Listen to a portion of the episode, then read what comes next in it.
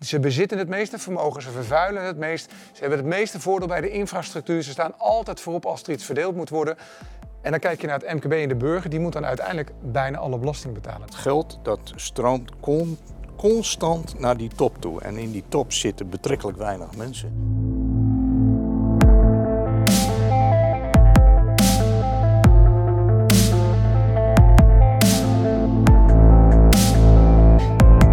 Hallo allemaal, mijn naam is Paul Buitink en welkom bij het tweede deel van de serie Niemandsland met, het onderwerp economie.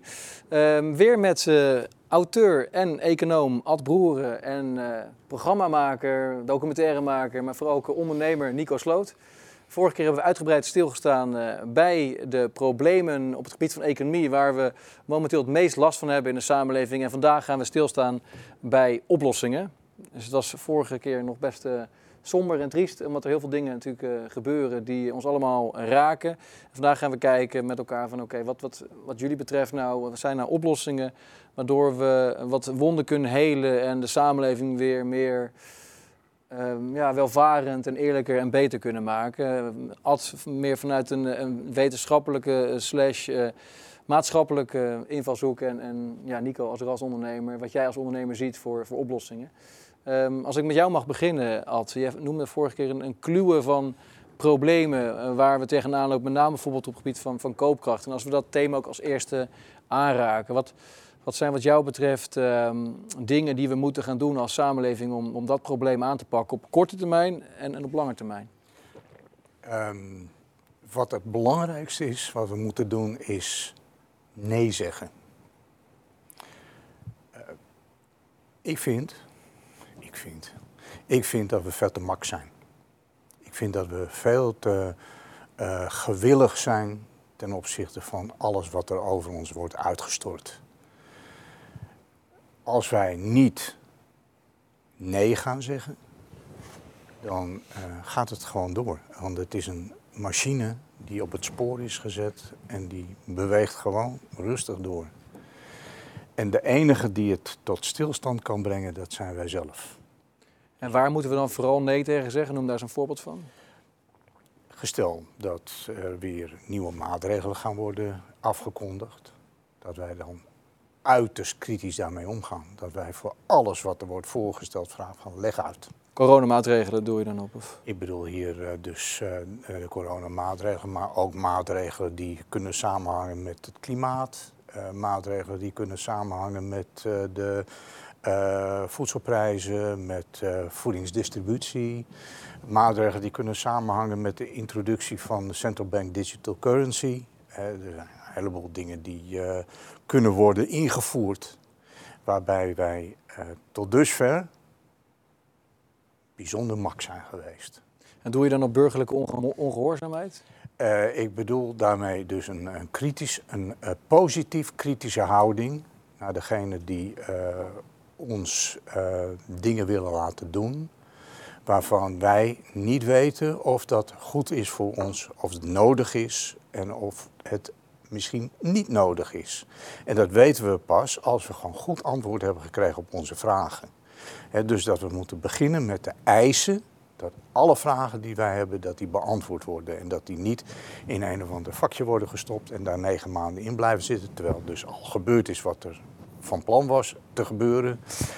Dat wij gewoon echt eisen van geef ons antwoord. En niet over negen maanden, maar nu, over veertien dagen. Nico, uh, vragen stellen, antwoorden krijgen en in de tussentijd uh, nee zeggen. Deel je die uh, visie van Ad? Ja, want ik denk dat als je kijkt wat er in de afgelopen twee jaar is gebeurd met heel veel MKB-ondernemers, dat is dat heel schrijnend geweest. En natuurlijk zijn er ook branches waar het gelukkig goed is gegaan. Maar er zijn natuurlijk bij heel veel MKB's is het ja, niet goed afgelopen en uh, tot desastreus. Hè? Dus tot mensen die gewoon zelfmoord hebben gepleegd. En ja, ik denk dat we inderdaad nee moeten zeggen dat, dat de ondernemers, de MKB-ondernemers nu ook gewoon nee moeten zeggen. En de overkoepelende organen hebben weinig betekend, want die gaan mee in het overheidsnarratief. Dat betekent dat we ons moeten gaan verenigen. En ik, wij, wij, nou, ik open hier graag bij dat wij als Be Informed Media hun een podium willen geven. En heel graag dat de MKB'ers zich gaan aansluiten bij ons. En feitelijk, eh, wat jij zegt, is dat ook voor de burgers zo. Hè? Dat we lokaal lokaal de ondernemers gaan steunen. Dus eigenlijk, de burgers kunnen heel veel betekenen. En ik, eigenlijk moet je het over mensen hebben. Hè? Want burgers is eigenlijk alleen maar omdat we een, uh, ja, we hebben nou eenmaal burgers en we hebben een burgerservice nummer. Maar dat is misschien eigenlijk ook wel het gevaar waar we het over hebben. Daar moeten we ook vanaf. We zijn allemaal mensen en we willen graag een uh, fatsoenlijke samenleving. En als we dat willen, moeten we zorgen dat, dat mensen ook gaan zeggen: hey, ik doe niet meer mee aan die platforms. Ik doe niet meer mee aan die grote techbedrijven. Zeg gewoon nee. Laat niet meer twintig keer op een dag iets bezorgen. Blijf niet alles kopen en koop het lokaal. En koop bij de lokale ondernemer, koop het bij de MKB-ondernemer. En ik zou zeggen tegen alle mensen. Als jij weet dat je koopt bij een multinational die geen belasting betaalt, stoppen met kopen daar. En als we dat allemaal doen, is het snel afgelopen, denk ik. Want dan is het denk ik heel Het is gewoon heel normaal dat zij belasting betalen, net als alle MKB-bedrijven.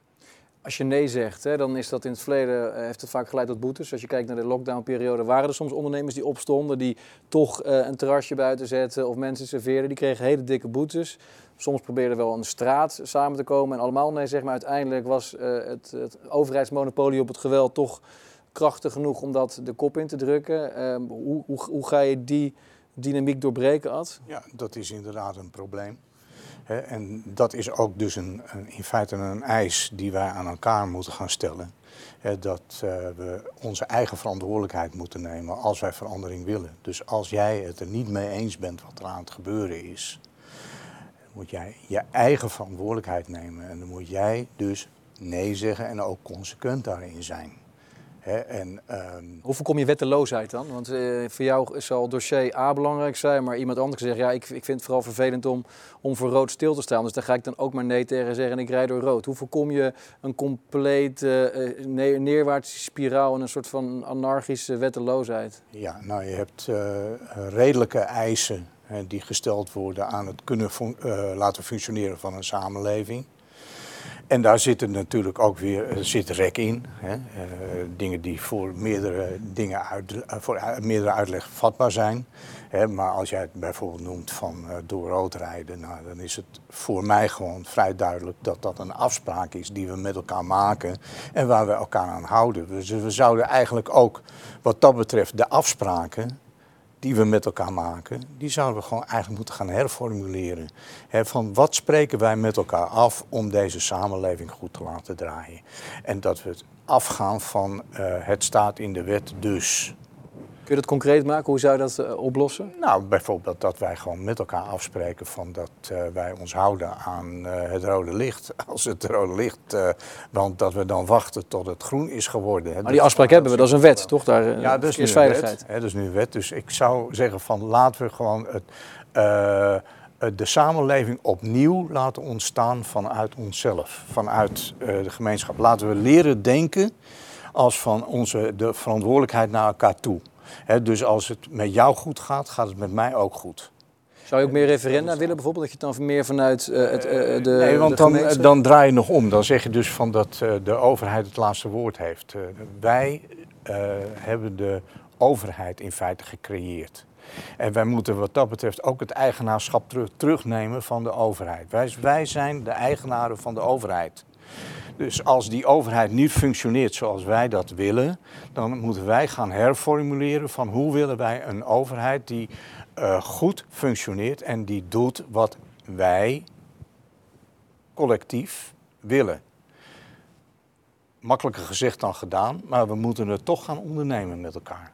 Want als we het uh, laten doorgaan zoals het nu gaat, dan uh, krijg je een overheid die al mijlenver verwijderd is van de burger. Hè? En als je gewoon wil dat uh, die overheid dus zich. Um, dat die gaat uitvoeren zoals Nico ook in de vorige serie zei van hè, dat de overheid gaat doen wat wij willen. En dan moeten wij gewoon met elkaar gaan, formuleren, gaan herformuleren van wat willen wij voor een overheid en wat willen wij dat die overheid doet. Ja. In Italië zie je mensen hun uh, energierekening verbranden. Is dat ook een, een, een vorm van uh, protest waar je, uh, waar je achter staat? Dat mensen stoppen met het betalen van rekening als, als ultieme vorm van nee zeggen? Nou, ik, ik denk dan even één stapje terug naar wat, Ad zegt. Hè, dat je het op een positieve manier doet. En dat is denk ik inderdaad de verantwoordelijkheid nemen. Dat geldt voor hè, wij als ondernemers, als mensen. Maar zeker ook voor de overheid en zeker ook in dit geval voor de media en de grote bedrijven. Hè. Dus de multinationals, naar mijn idee, hè, er is een eet van Hippocrates. Advocaten hebben een eet. Waarom maken we niet gewoon een eet voor multinationals, voor de CFO en de CEO's? Dat we zeggen, joh, belastingontwijking, als je dat doet, lig je er morgen uit. Dan, dan, weet je, dan weet je gewoon van dat is een afspraak die je met elkaar Ja, maakt. we Net hebben, we hebben je door- bankiers eten, dus dat, dat, dat gaat ook nergens over. Nee, oké, maar dat zie je maar op het moment dus dat mensen zich niet aan de afspraak houden, moet je ook niet het verbazen dat de maken. samenleving zich ook niet meer aan de afspraken houdt. Dus je kan niet verwachten, als jij volksvertegenwoordiger bent als meneer eh, Rutte en jij liegt en je hebt halve waarheden en je hebt geen herinneringen, dan ben je geen volksvertegenwoordiger, dan ben je een leugenaar. Als je twee keer liegt, ben je een leugenaar, punt. En je houdt je gewoon niet aan de afspraken. Dan kan je niet verwachten dat jouw samenleving zich wel aan de afspraken houdt. En dan zeggen wij nog als samenleving, wij gaan niet zo gek doen als Rutte, we gaan het niet nadoen. Nee, maar wij verwachten wel dat die mensen die daar zitten hun verantwoordelijkheid nemen. En dat geldt ook voor de media. Als de media, dat, dat- ik vind dat de waakhond van de democratie. En de laatste twee jaar hebben ze alleen maar het narratief, het verhaal gevolgd van de overheid. Laat alle hoofdredacteuren nu opstaan, hun verantwoordelijkheid nemen en daadwerkelijk uitspreken wat er aan de hand is. Dus bereid zijn om kritisch vragen te stellen en bereid zijn om ook terug te kijken van jongens, ja, we hebben misschien niet helemaal goed gezien, maar ga je journalisten erop zetten, want er is heel veel aan de hand. Er is zoveel verborgen de afgelopen twee jaar. Ga je journalisten erop zetten, zodat we weten wat er speelt. Transparant zijn. Dus neem je verantwoordelijkheid. En als, als wij bereid zijn als mensen, hè, dus, want je hebt mensen bij, eh, bij de journalistiek werken, maar ook bij de televisie, maar ook hè, als volksvertegenwoordiger, neem je verantwoordelijkheid. Maar het mooie natuurlijk met, met de media is dat verantwoordelijkheid nemen. Ja. als mens. Eh, eh, ja, als, als mens, hè, want eh, als wij niet willen dat er wetten worden aangenomen waar geen draagvlak voor is, dan moeten wij gaan eisen dat er eh, referenda plaatsvinden voor alle belangrijke wetten. Hè, dus dat er geen wetten meer worden aangenomen die, waarvan op zijn minst mag worden getwijfeld of er eh, voldoende draagvlak voor is. Ja, maar daar is dan bar weinig draagvlak voor bij de gekozen bestuurders. En die zijn natuurlijk, eh, daar hebben we, hebben we of heeft men voor gestemd. Dus blijkbaar binnen de samenleving is niet heel veel behoefte aan een referendum. Klopt dat?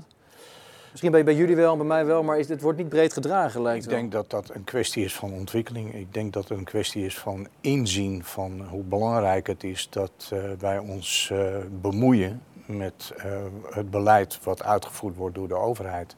En dat we niet de houding aannemen van eh, het eh, interesseert ons niet, ze doen maar, ze doen het toch niet goed. Ja, misschien waren de meeste mensen apathisch, maar doordat de problemen zo urgent zijn geworden, zou het zomaar kunnen zijn dat mensen de komende maanden wel inzien dat ze te weinig invloed hebben gehad op een aantal grote dossiers. En ontstaat er wellicht meer liefde voor, voor meer directere democratie, zoals een referendum. Ja. Wij hopen ook, ja, ja, aan de ene kant is het natuurlijk niet leuk, maar eigenlijk wil je dat er eigenlijk nog meer bedrijven en mensen geraakt worden. En niet zozeer omdat dat natuurlijk voor de mensen niet leuk is, want dat is natuurlijk ook helemaal niet leuk. Maar wel voor het bewustzijn dat, we, hè, dat je als je gaat echt een beetje je erin gaat duiken van wat er is gebeurd in de afgelopen twee jaar. En wat er nog aan zit te komen, eh, dat, dat er echt verandering moet komen. Ja, die Chinezen zien een, een crisis ook altijd een kans. En als jij de media beschrijft, nou ja, de media hebben het laten liggen, maar het heeft wel geleid tot een enorme wildgroei bijna aan nieuwe initiatieven, waaronder jouw initiatief, maar er zijn talloze andere initiatieven. Dus in die zin lost het probleem zich dan ook alweer eh vanzelf op. Maar Er doen zich weer nieuwe mogelijkheden voor. Ja, Ja, ja. Eh, maar exact. Maar die mogelijkheden moeten we ook wel eh, grijpen. We, ehm, eh, een mogelijkheid creëren is één. Hè, maar om een mogelijkheid om te zetten in een werkbaar plan, dat is eh, vaak ontzettend moeilijk. Hè.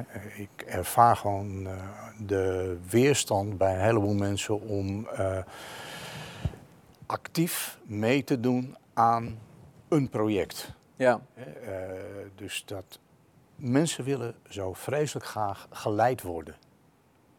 Hè, doe jij het maar. Hè, jij kunt dat.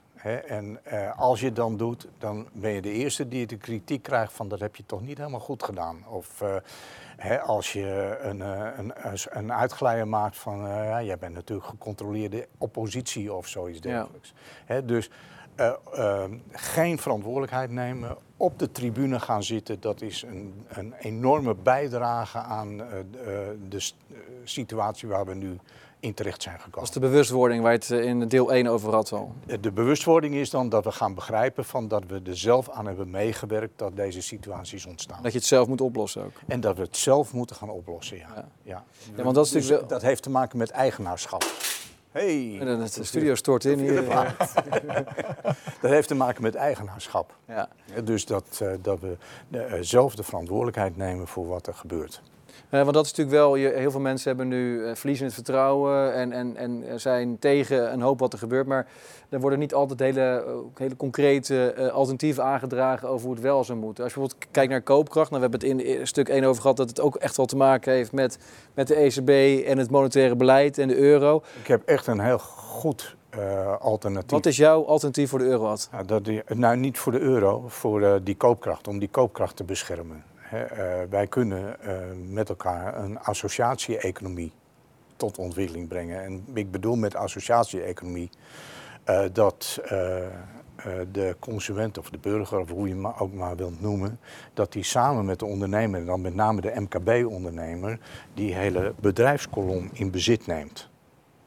En dat je vanaf de productie tot de con- consumptie zorgt dat eh, n- eh, geen infiltratie in die kolom komt. Hè, waardoor je ook eh, de eh, goederen en de diensten die je in die kolom voortbrengt, dat die daardoor ook zo laag mogelijke kosten hebben. Goed betaalbaar zijn en dat door de consument er rechtstreeks bij te betrekken, dat je daardoor eh, zeker bent van de afzet van de goederen en de diensten die je produceert. Maar wat bedoel je te zeggen dus dat consumenten en, eh, en, en werknemers eigenaar worden van de bedrijven? Nee, nee, niet eigenaar. Ze gaan samenwerken met, eh, met bedrijven. Ze gaan samenwerken met eh, de distributie. Ze gaan samenwerken met de, de, de tussenhandel.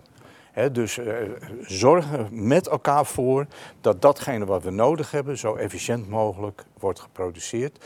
En dat er geen onnodige voorraadvorming is. En dat er ook eh, iedere deelnemer aan die kolom, dat hij eh, zijn redelijke deel krijgt. En niet eh sommigen in die kolom gewoon een onevenredig deel en dan ook nog op een parasitaire basis eruit halen. Dus eh, we kunnen gewoon door met elkaar te gaan samenwerken en door eh, uit te gaan van wij moeten het samen oplossen en niet ik moet het oplossen, eh, kunnen wij gewoon een veel betere en functionerende economie met elkaar laten Dat leg ik even bij jou neer, Nico. Want jij bent ondernemer hier in de auto, onderdelen, handel. Zie je dat eh, van ad werken in jouw branche? Ja, maar eh, even terugkomen. Ja, even terugkomen, want ik ga dan toch even over die belasting beginnen. Rutger Brechtman die zei het ook hè, bij het World Economic Forum. Daar werden hele ingewikkelde gesprekken gehouden. En het enige wat hij zei is, jongens, belasting betalen, belasting betalen, belasting betalen. Daar begint het mee. Maak het speelveld gelijk en dan vervolgens denk ik dat, eh, ik heb wel, de, de- er, is, de- er is al een mooi woord voor, dat zijn de B Corp bedrijven. Dan is het denk ik ontzettend belangrijk dat je niet alleen maar naar de Wat aandeelhouder is gaat dat, kijken. een B Corp bedrijf? Een B Corp bedrijf is eigenlijk een bedrijf die kijkt niet alleen naar de aandeelhouder, maar naar zeg maar, alle facetten. Eh, als jij op het moment dat jij hè, je, eh, zeg maar een bedrijf start, dat je kijkt van oké, ik maak gebruik van grondstoffen van de aarde. We hebben maar één aarde. Dan ga je ervoor zorgen dat je dat op de goede manier doet. Of weer zorgt voor eh, recirculatie. Hè? Dat, dat je dat ook weer op die manier vergoedt. Dat betekent dat je goed bent voor je eh, leveranciers. Goed natuurlijk voor je werknemers, uiteraard. Maar ook voor je leefomgeving. Dus een B Corp bedrijf zorgt voor de omgeving waarin die functioneert. En dat kan heel goed. Maar wat je nu alweer ziet. eh, want er zijn certificaten voor te krijgen. Dat is eigenlijk een heel mooi initiatief. Maar wat zie je nu alweer? De greenwashing van de grote multinationals. Die dus dat B Corp certificaat opkopen. En dan denk ik van ja, hou eens even. Jullie beginnen eerst met belasting betalen. Want als je belasting betaalt, dan voldoe je eigenlijk aan datgene wat je moet doen. Je zorgt voor de maatschappij. Je zorgt voor hè, de infrastructuur, de zorg, et cetera. Dat is je eerste vereiste. En ik denk als wij, eh, want die weg is er al heel veel. Ik denk dat er al heel veel bewustzijn is bij heel veel mensen die dat ook in het bedrijfsleven willen. Want die zien ook wel dat hè, ecologisch dat we niet zo door kunnen gaan. Dat het milieu ontzettend vervuild wordt. Bij wijze van spreken, je kan eigenlijk je drinkwater al niet meer drinken omdat het al vervuild is door medicijnen. Hè. We krijgen het al niet meer Is schoon. dit, dit ook? Of? Ja, de- helaas. Drinkwater. Ga nou eens in op eh, mijn eh, idee over die associatie-economie.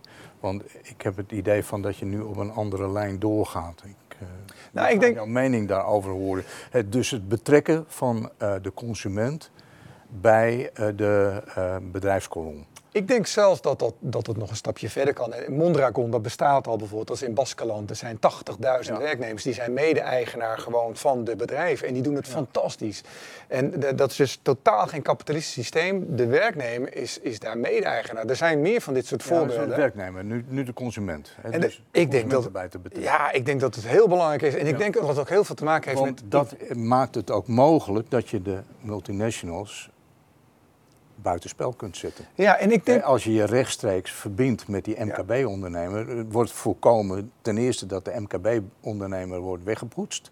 Ten tweede dus dat, uh, dat je uh, als MKB-ondernemer een vast afzetkanaal hebt. En ik denk ook altijd dat het heel erg te maken heeft met het bewustzijn van mensen. Hè. Zeker de jeugd nu, hè, als zij iets bestellen, en dat wordt dan het liefst nog gisteren gebracht, maar dan zes keer op een dag. Ja. Eigenlijk moeten we gaan laten zien aan de jeugd, als je dit bestelt, wat betekent dit voor de werknemers die in een bedrijf werken? En als je denkt, ik, volgens mij, als je dat gaat laten zien, nou, dit is vaker gebeurd. Er zijn mensen meegenomen, wij spreken, ja, naar India of naar dat soort landen. En laat maar zien, als jij dus iets koopt en je koopt zes keer een kledingstuk heel goedkoop, Hè, noem de bedrijven maar op, Action, en je ziet dan wat, hoe het gemaakt moet en wat voor leed daarvoor is. Neem de lithium-accu's bijvoorbeeld in, in, hè, in, in Afrika. dat is vaak maar één kant van het verhaal. Er zijn talloze verhalen ook bekend van uh, uh, mensen die uh, in, in, onder de armoedegrens leefden op het platteland. En doordat ze in een fabriek gingen werken, ineens wel uh, geld overhielden om het gezin op het platteland te onderhouden. Dus voor heel veel mensen in China is het zelfs een, kan het ook een stap, of andere landen kan het een stap voorwaarts zijn. Dus wij zijn in Nederland uh, vrij snel met het veroordelen van dat soort arbeid. Maar voor mensen die er lokaal wonen, kan het zelfs ook een stap vooruit zijn. Dus ook een, een proces waar zij doorheen moeten, waar wij al doorheen zijn gegaan. Dus is, dat, die nuance wil ik al meegeven. Dat nee, nee, het even niet slecht is dat mensen daar uh, voor um, lagere lonen dan wij hier in fabrieken werken. Als ze daar uiteindelijk ook hun eigen levensstandaard Als die lagere lonen, als die inderdaad uh, overeenkomstig zijn, een goede levensstandaard uh, voor het land waarin ze dan uh, ja. werken, is het nog tot daar aan toe. Maar, maar daar moet je op toezien. Daar moet je op, de, ja. de gedachte die erachter zit, is toch winstmaximalisatie. Ja. En het speelveld, hè, waar we het al over hebben gehad, die bepaalt het vooral. Wat, wat is jouw voetafdruk? Als jij hier, wij spreken in Nederland, iets neerzet, dat moet voldoen aan arbowetgeving, milieuwetgeving, en dat is bijvoorbeeld in India, China niet zo, ja, dan is je concurrentiepositie al anders. Helemaal als je ook nog eens een keer de belasting moet betalen en de multinational niet. Dus je moet beginnen met een soort fundamentele afspraken te maken van jongens, we hebben allemaal een ecologische voetafdruk. Laten we eens beginnen om dat goed neer te zetten. En dat is natuurlijk van de zot dat wij in Nederland industrieën sluiten omdat ze niet schoon genoeg zijn. En vervolgens wordt het in het buitenland onder veel vuilere omstandigheden gemaakt. En per saldo zijn we slechter af. Dat je... Maar wat ik wel interessant vind is, ik, ik, hoor jou zeggen van eigenlijk is er internationale coördinatie noodzakelijk om bijvoorbeeld die belastingwetgeving af te dwingen. Want je kunt namelijk niet als Nederland alleen en zelfs misschien als EU alleen dat niet regelen. Dus je moet samenwerken. Maar ik, altijd hoor ik ook wel ze zorgen uiten over wereldwijde structuren zoals WEF en andere. Dus hoe, hoe kun je dit soort problemen op wereldschaal oplossen zonder uh, uiteindelijk dan toch weer uh, um, te veel afhankelijk te, wo te, worden van internationale machtsstructuren die weer te veel macht hebben. En macht corrumpeert, hebben we geconstateerd ja. in de vorige aflevering. Hoe ga je dat spanningsveld ja, oplossen? Ik denk, ik denk, dat dat niet zo heel moeilijk is. Uh, de, waar we nu mee te maken hebben zijn supranationale zeg maar organisaties. Die voornamelijk de macht is en de elite die daar zitten, die dat ook vinden hè, met geld. Uh, ik denk dat we af moeten van sowieso alles wat wij democratie noemen, dat we dat laten lobbyen door dat soort organisaties en dan ben je er vanaf. Dus je moet gewoon niet toestaan. Dus de lobby moet worden afgeschaft. Ja, kijk, je kan de, het is leuk dat er lobby is, want dat zal er altijd zijn. Maar het is natuurlijk logisch dat jij niet gaat voor lobby of voor leuke reisjes of wat dan ook. Ja, dan, dan word jij dus beïnvloed. En uh, wij hebben, als je een, een, echt een volwassen democratie hebt, dan beslissen wij, wat jij ook goed aangeeft had, wij als mensen hebben eigen, eigenaarschap en je moet natuurlijk voorkomen dat je wordt gelobbyd, waardoor, je, waardoor het dus een bepaalde richting ingaat. Maar je pleit enerzijds voor meer lokalisme, uh, dingen met elkaar doen. Anderzijds uh, vraag je wel van de wereldgemeenschap om samen te werken om bepaalde dingen te doen. Kan bijna niet anders, want we hebben een globale wereld en dat kan je niet meer terugbrengen. Dat gaat alleen maar nog meer worden, zeker door de data. Hè. We gaan nog, ons nog meer verspreiden over de wereld. Zeker met de informatie die er aankomt. We gaan naar een maakbare mens. Dat is nog even een ander onderwerp op hele korte termijn. Dus wat gaat dat betekenen? Maar ik denk wel, uh, kijk, er zijn nu ook handelsafspraken, hè? Eh, noem ze maar op, met enorm. Dat, dus dat kan wel degelijk. We kunnen op allerlei gebieden kun je afspraken met elkaar maken, want dat is waar het eigenlijk om gaat. Altijd, ik ben benieuwd naar jouw mening. Want jij bent ook in jouw boeken erg voorstander van lokale munten bijvoorbeeld. Nou, we hebben nu een wereldwijde dollarstandaard. Die is nog steeds oppermachtig. Ook al zijn daar nu scheuren te zien uh, vanwege ook de oorlog in Oekraïne. Je krijgt een beetje straks G7 versus BRICS-landen. Ook ten aanzien van hoe we elkaar betalen wereldwijd. Jij pleit voor veel lokale initiatieven. Hoe zie jij die spanning tussen oplossingen die wereldwijd moeten worden gecoördineerd, waaronder bijvoorbeeld uh, vennootschapsbelasting of misschien uh, ecologische oplossingen. Uh, en, en dan met wat we zoveel mogelijk lokaal moeten doen. Zie jij, zie jij die spanning ook of niet? ik denk dat de verandering van onderop moet komen. Ik denk dat wat we van bovenaf krijgen, dat dat een afgedwongen verandering wordt. waarin, um, denk ik, een hoop leed mensen wordt aangedaan. Omdat eh, we met z'n allen moeten marcheren in een, een uh, tussen hele enge grenzen. Waarin weinig keuzemogelijkheden zijn, waar mensen gewoon weinig bewegingsvrijheid krijgt en weinig mogelijkheden om zichzelf te ontplooien. Dat denk ik. En eh, ik denk dat eh, als we dat willen voorkomen, dat we in zo'n wereld terechtkomen, dat we echt zelf moeten beginnen met initiatieven van onderop. Maar daar zijn we het over eens, denk ik. Dat is ontzettend moeilijk om dat te doen. En ik onderken ook van dat er eh, wereldwijd ook uh, natuurlijk al zoveel lijnen liggen dat je niet gewoon uh, zeg maar terug kunt naar uh, 200 jaar geleden. En, nee. hè, maar ik zie het wel in een combinatie. Ik zie het als dat als je hier gaat werken aan communities die zoveel mogelijk zelfvoorzienend zijn en die gaan werken met een eigen munt, dat je daarnaast natuurlijk ook vanuit die communities met andere communities nationaal en internationaal uh, contact kunt leggen. dat je daar verbindingen mee kunt maken. Dus dat je uh, die, uh, die multinational die dan ontstaat, is een multinational van alle communities met elkaar. In plaats van een multinational die ingegeven wordt door hoofdzakelijk de digitale technologie. En door de aandeelhouders die op de achterbank zitten te sturen. Maar om dat concreet te maken, Nico, jij hebt uh, natuurlijk uh, in jouw uh, leven als ondernemer ook heel veel moeten bestellen uit het buitenland, bijvoorbeeld uit China. Nou, het gros van de facturen worden verstuurd in, in dollars. Hoe kun jij als ondernemer internationaal zaken doen met lokale munten? Zie je dat voor je? Nou, ik denk, maar ik denk dat het... Of, of, nee, dat bedoelde ik niet hoor. Ik bedoel gewoon van dat internationaal zaken doen, dat dat heel goed kan met de Satoshi. Die is afgeleid van de bitcoin. Ja, dus, dus uh, dat had hij voor een bitcoin-standaard pleit, dat vind ik wel een... We, uh, nou, ik wel heb een, daar een hele genuanceerde gedachten over, over uh, de bitcoin. In het verleden was je behoorlijk kritisch. ik ben nog steeds kritisch over het, dat het een beleggingsinstrument vooral is geworden. Maar het principe van de bitcoin, dus dat het decentraal wordt gecreëerd, dat er niet meer zijn dan een bepaald aantal, ik geloof 21 miljoen.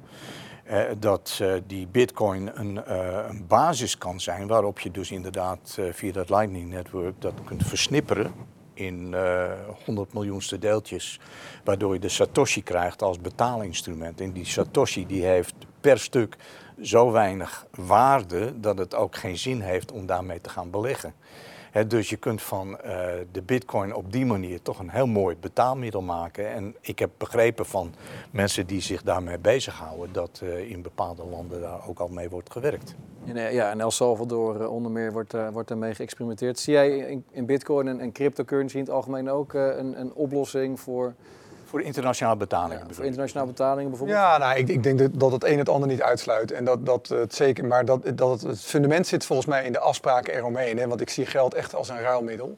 En, en dat heb je nodig, want je, je moet met elkaar iets uitruilen wat, een bepaalde, wat voor een bepaalde waarde staat. Alleen zoals wij het nu doen, loopt dat natuurlijk helemaal uit de hand. Want het arm-rijk verhaal wordt alleen maar groter. En je ziet dus ook dat die munten daaraan gebonden zijn. Ja, de, de dollar is, is, is geconnect met de olie. En dat is al lang niet meer aan het goud. En, en je ziet nu ineens, nou, je ziet in Oekraïne wat er gebeurt als, als daar dan ineens uh, de, een andere koers wordt neergezet voor, voor Poetin. Eh, weet je, ik, ik denk dat wij, eh, als je gewoon echt goed als ondernemers met elkaar wil samenwerken, dat het belangrijk is dat je een, een stabiele munt hebt, wat het dan ook maar is, die staat voor de waarde, die als echte toegevoegde waarde met elkaar in de keten met elkaar kan onderhandelen. En volgens mij eh, is het dan belangrijk, vooral dat, dat je gaat samenwerken. En wij, wij, ik denk ook dat het belangrijk is dat de multinationals gaan inzien en de meesten doen dat ook wel. Van jongens, we hebben maar één aarde, we moeten er anders mee omgaan, maar we moeten ook anders omgaan met het MKB.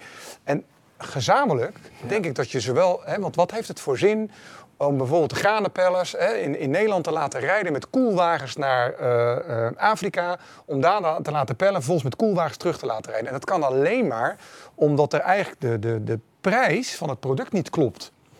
En als jij de, de waardes goed zou neerzetten, zou het onmogelijk zijn om die acties te doen. En waarom zouden we dat doen? Want wij kunnen toch die garnalen in Nederland toch ook gewoon regelen. En dat, dat is een beetje een voorbeeld. Hè? We halen tomaten uit de meest gekke landen weg. Nederland exporteert door de hele wereld.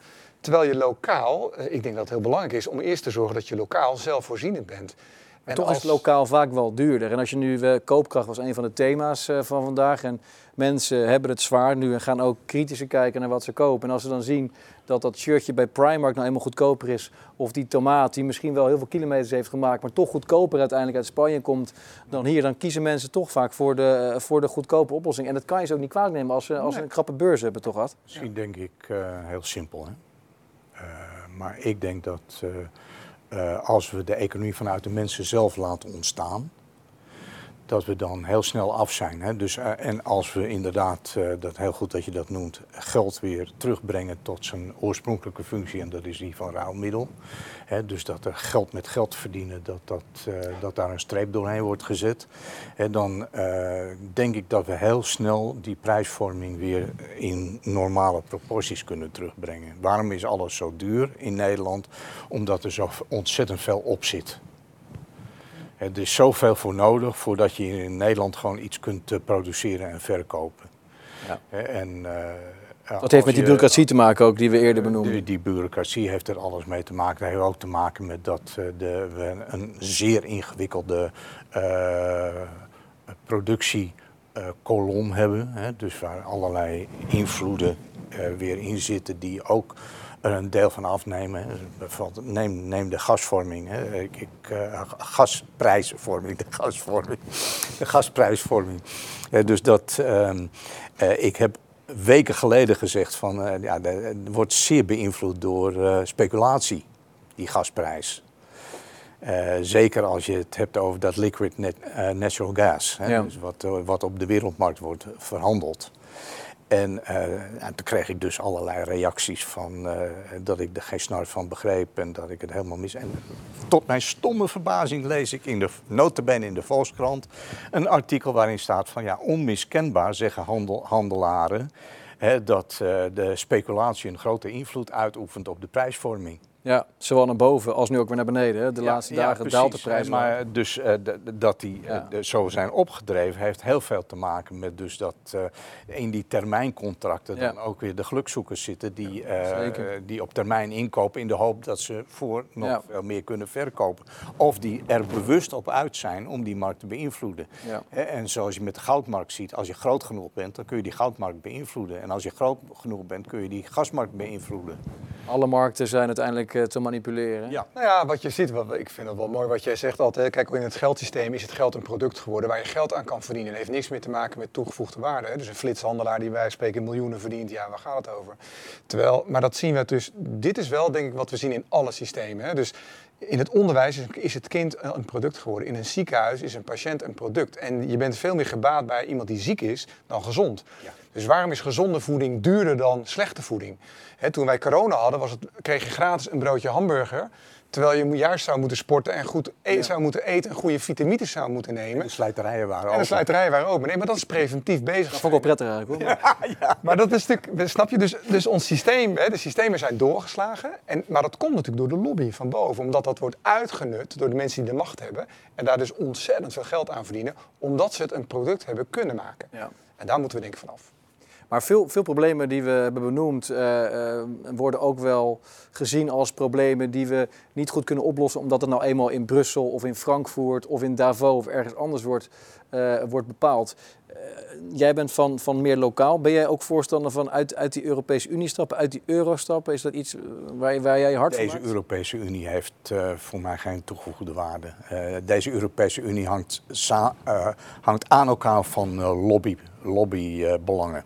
Ja, maar bij jou proef ik nog een beetje eh, die, die, die, die wens om toch met elkaar op internationaal niveau tot oplossing te komen. Wil je uit, wil je uit de euro stappen? Nou, nee, absoluut. Ik, sterker nog, ik wil hier ook wel iets zeggen. Ik ben jarenlang, ik heb mijn hele leven gestemd op D66. Oké, ik ga ervan... Ja, ik durf, het bijna, ik durf het bijna niet meer te zeggen, maar ik vond, ik Familo, ook, hoor. ik vond Familo geweldig. Maar toen ik ben begonnen met, mijn, met mijn onderzoek, uh, ben ik uh, tegen zoveel dingen aangelopen die geheim waren. Het is onvoorstelbaar. Ik kan een lijst maken van de laatste twee jaar wat er allemaal geheim is. Dus er is niks meer transparant. Uh, en, en, en, ik dacht ge qua geopolitiek van ja, het is natuurlijk heel belangrijk dat wij als Europese Unie een machtspositie hebben om onze vrijheden, onze grondwet, waar het allemaal om gedaan is, om die voor onszelf zo goed mogelijk te beschermen. En als je dat goed doet, kan je ook weer goed voor een ander zorgen. Hè? Ja. En ik denk dat het zo in elkaar zit als, als jij zelf, zoek het klein, micro, macro, weet je wel. Als ik thuis ben met mijn gezin, probeer ik zo goed mogelijk voor mijn gezin te zorgen en de mensen omheen. Op mijn werk probeer ik zo goed mogelijk voor mijn werknemers te zorgen. En als iedereen dat overal doet, dan gaat het overal een beetje beter hè, in de wereld. En, en het is allemaal niet zo moeilijk. En alleen wat je nu ziet, is dat wij door allerlei belangen en allerlei andere dingen worden we totaal uit elkaar getrokken en alles wordt een product gemaakt. En daar moeten we dus, uh, ja, we moeten weer terug naar een. Ik zou heel graag een Europese Unie willen hebben die heel goed functioneert. Maar ik ben met Ad helemaal eens. Niet op deze manier. Dit, dit, dit gaat helemaal de verkeerde kant op. Dus wel Nexit dan, wat jou betreft? Ik, ik, ik durfde het. Uh, een jaar geleden heb ik echt tegen gezegd: ben je helemaal gek, Nexit? En nu denk ik van ja. Verdorie. Of in ieder geval... Misschien moet het wel eerst een Nexit worden om die stap te kunnen maken. Dat we weer teruggaan naar, ook in de Europese Unie, naar het fundament van jongens. Waarom wilden we nou eh, met elkaar ja. samenwerken in Europa? Ja, of op, op zijn minst uh, opnieuw kijken naar de afspraken die we hebben. En of je die kunt, kunt uh, heron, eruit Ja. Opt-out voor dit of ja. uh, Nexit is vaak zo, ja, zo absoluut. Hè? Maar er zijn natuurlijk allerlei grijstinten, uh, hopelijk daartussen. Ja, Want, dat denk je, uiteindelijk heb je wel samenwerking nodig wereldwijd om bepaalde doelen te bereiken. Daar ontkom je niet aan. Laten we het even in de koeling leggen. Ja, dus even in de vakantie, in een eurovakantie. Even in de, even in de koeling. Hè? En dan gaan we eerst eens kijken naar van hoe we zelf onze samenleving weer opnieuw in beweging kunnen brengen. En als we dat doen, dan kunnen we ook kijken hoe kunnen we internationaal betere afspraken maken dan we tot dusver hebben gedaan. Ja, maar eerst de focus op hier, Nederland. Wat kunnen we met elkaar doen? Lokaal, nationaal, ja, ja. provinciaal om... Uh... Kijk maar naar het CETA-verdrag, dat is dan nu afgesloten. En daar blijkt dan nu dat de multinationals zelfs hun eigen rechtszaken kunnen behandelen. Nou, als het die kant op gaat, heb je er zelf niets meer over te zeggen. En dat is gewoon niet oké. Okay. Klopt. Nee, Nee, de financiële industrie is natuurlijk al, die, die, die schrijft de wetten ook, uh, of, of, of uh, maakt daar uh, het concept van en later wordt het gewoon als wet aangenomen. Het is natuurlijk allemaal bekend hoe ING bijvoorbeeld in het verleden de, de voorstellen schreef voor nieuwe wetgeving. En dat is, die hebben zoveel macht. Ja, de mensen moeten zich nu wel echt bewust worden dat in de laatste twee jaar de, de, de grondwet zelfs is losgekoppeld. Hè, bij veel dingen die er nu achter de schermen al geregeld zijn. We kunnen straks niet eens meer terug. Hè. Bij wet zijn er al zoveel dingen geregeld voor EIDAS en nog veel meer.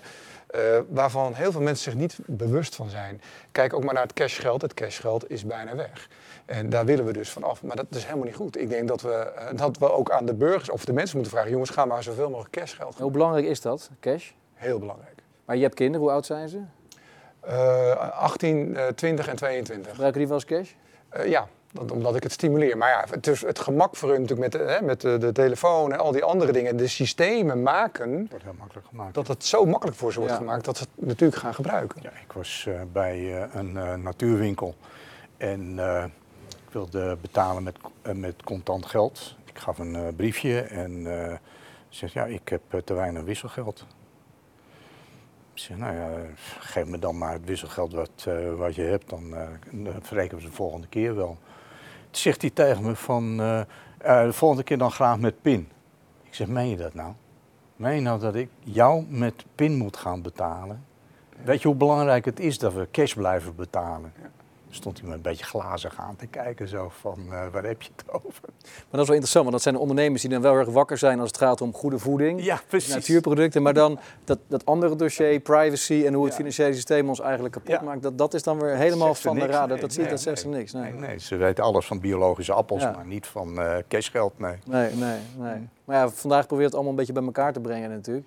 Maar wat, wat is nou misschien om af te, een beetje ook af te gaan ronden, wat is wat jou betreft, Nick, wat, kun, wat, wat, kunnen, uh, wat, wat, verwacht je dat de regering, of, of laat ik zo zeggen, als jij de baas zou zijn, wat zou jij nou, nou doen om die thema's die we net behandeld hebben, koopkracht, uh, macht en belasting, wat zouden wat jou betreft uh, dingen moeten zijn? Vanuit die politiek bedoel je? Ja. Ja, onmiddellijk, eh, onmiddellijk een burgerkamer neerzetten van 150 representatieve mensen die met hun poot in de modder hebben gestaan en die een visie laten maken van 10 jaar.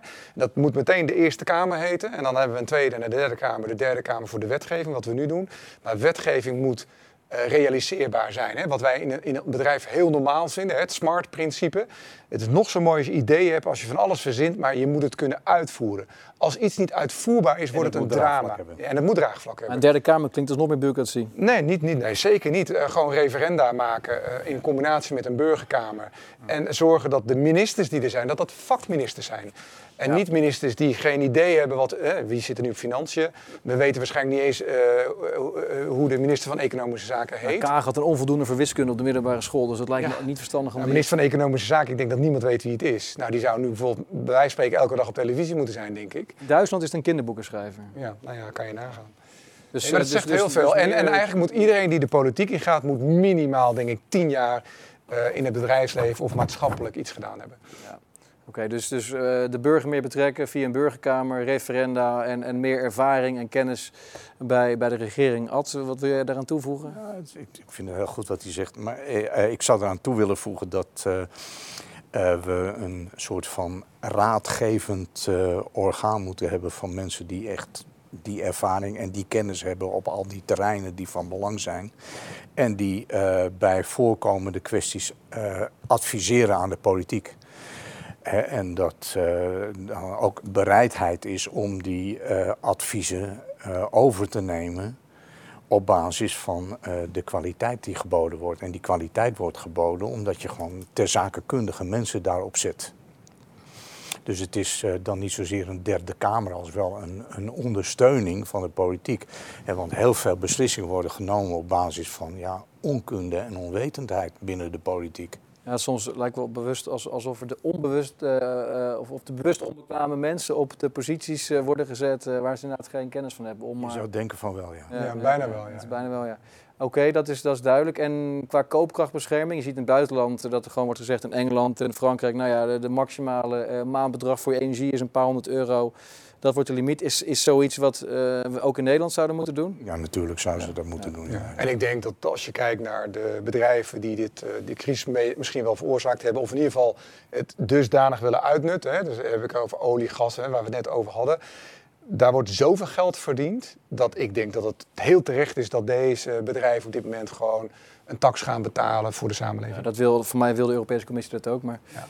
En dan, dus de staat heeft in de afgelopen, of verdient nu dit jaar en volgend jaar 20 miljard. En moet, moet ik even in het midden laten of dat per jaar is, maar ze verdienen 20 miljard meer dan ze normaal zouden hebben verdiend aan uh, gas.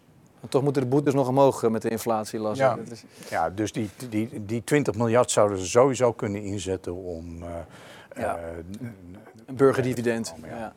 En oké, en dan wat kunnen de mensen lokaal dan vooral doen? De top, top drie dingen die mensen lokaal uh, moeten gaan doen. Nou, wat wij als Be Informed Media gaan doen, is dat wij, uh, wij proberen natuurlijk te schrijven over dingen die, hè, zoals het wel kan. Ik ben er ook van overtuigd met alles wat wij in ons hebben, de, zeg maar de slimme samenleving die we al hebben, maar ook de AI die er is. Want het is helemaal niet verkeerd hoor dat we naar een digitale samenleving gaan, maar die, die digitale samenleving waar we naartoe gaan, de maakbare mens, die kun je ook gebruiken voor een humane samenleving. En ik denk dat we daar naartoe moeten. En dat dat ook heel goed kan. En dat, daardoor ook veel meer mogelijk is dan nu. Hè. Dus ik zie dat best wel heel positief. Onze kinderen kunnen een veel beter leven hebben dan dat wij hebben.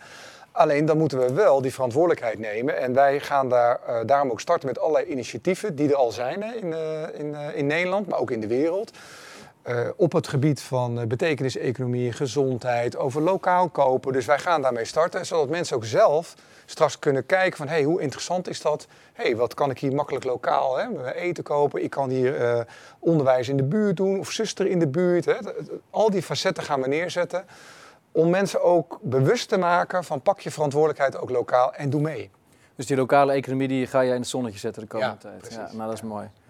Ad, uh, voor jou nog wat, uh, wat, wat laatste opbeurende, stichtelijke woorden misschien? Opbeurende en stichtelijke woorden.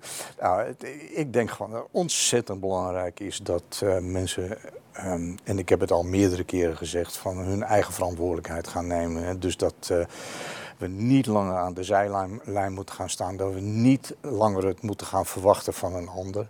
Dat we niet langer moeten gaan hopen op de leider die ons uit de modder zal trekken.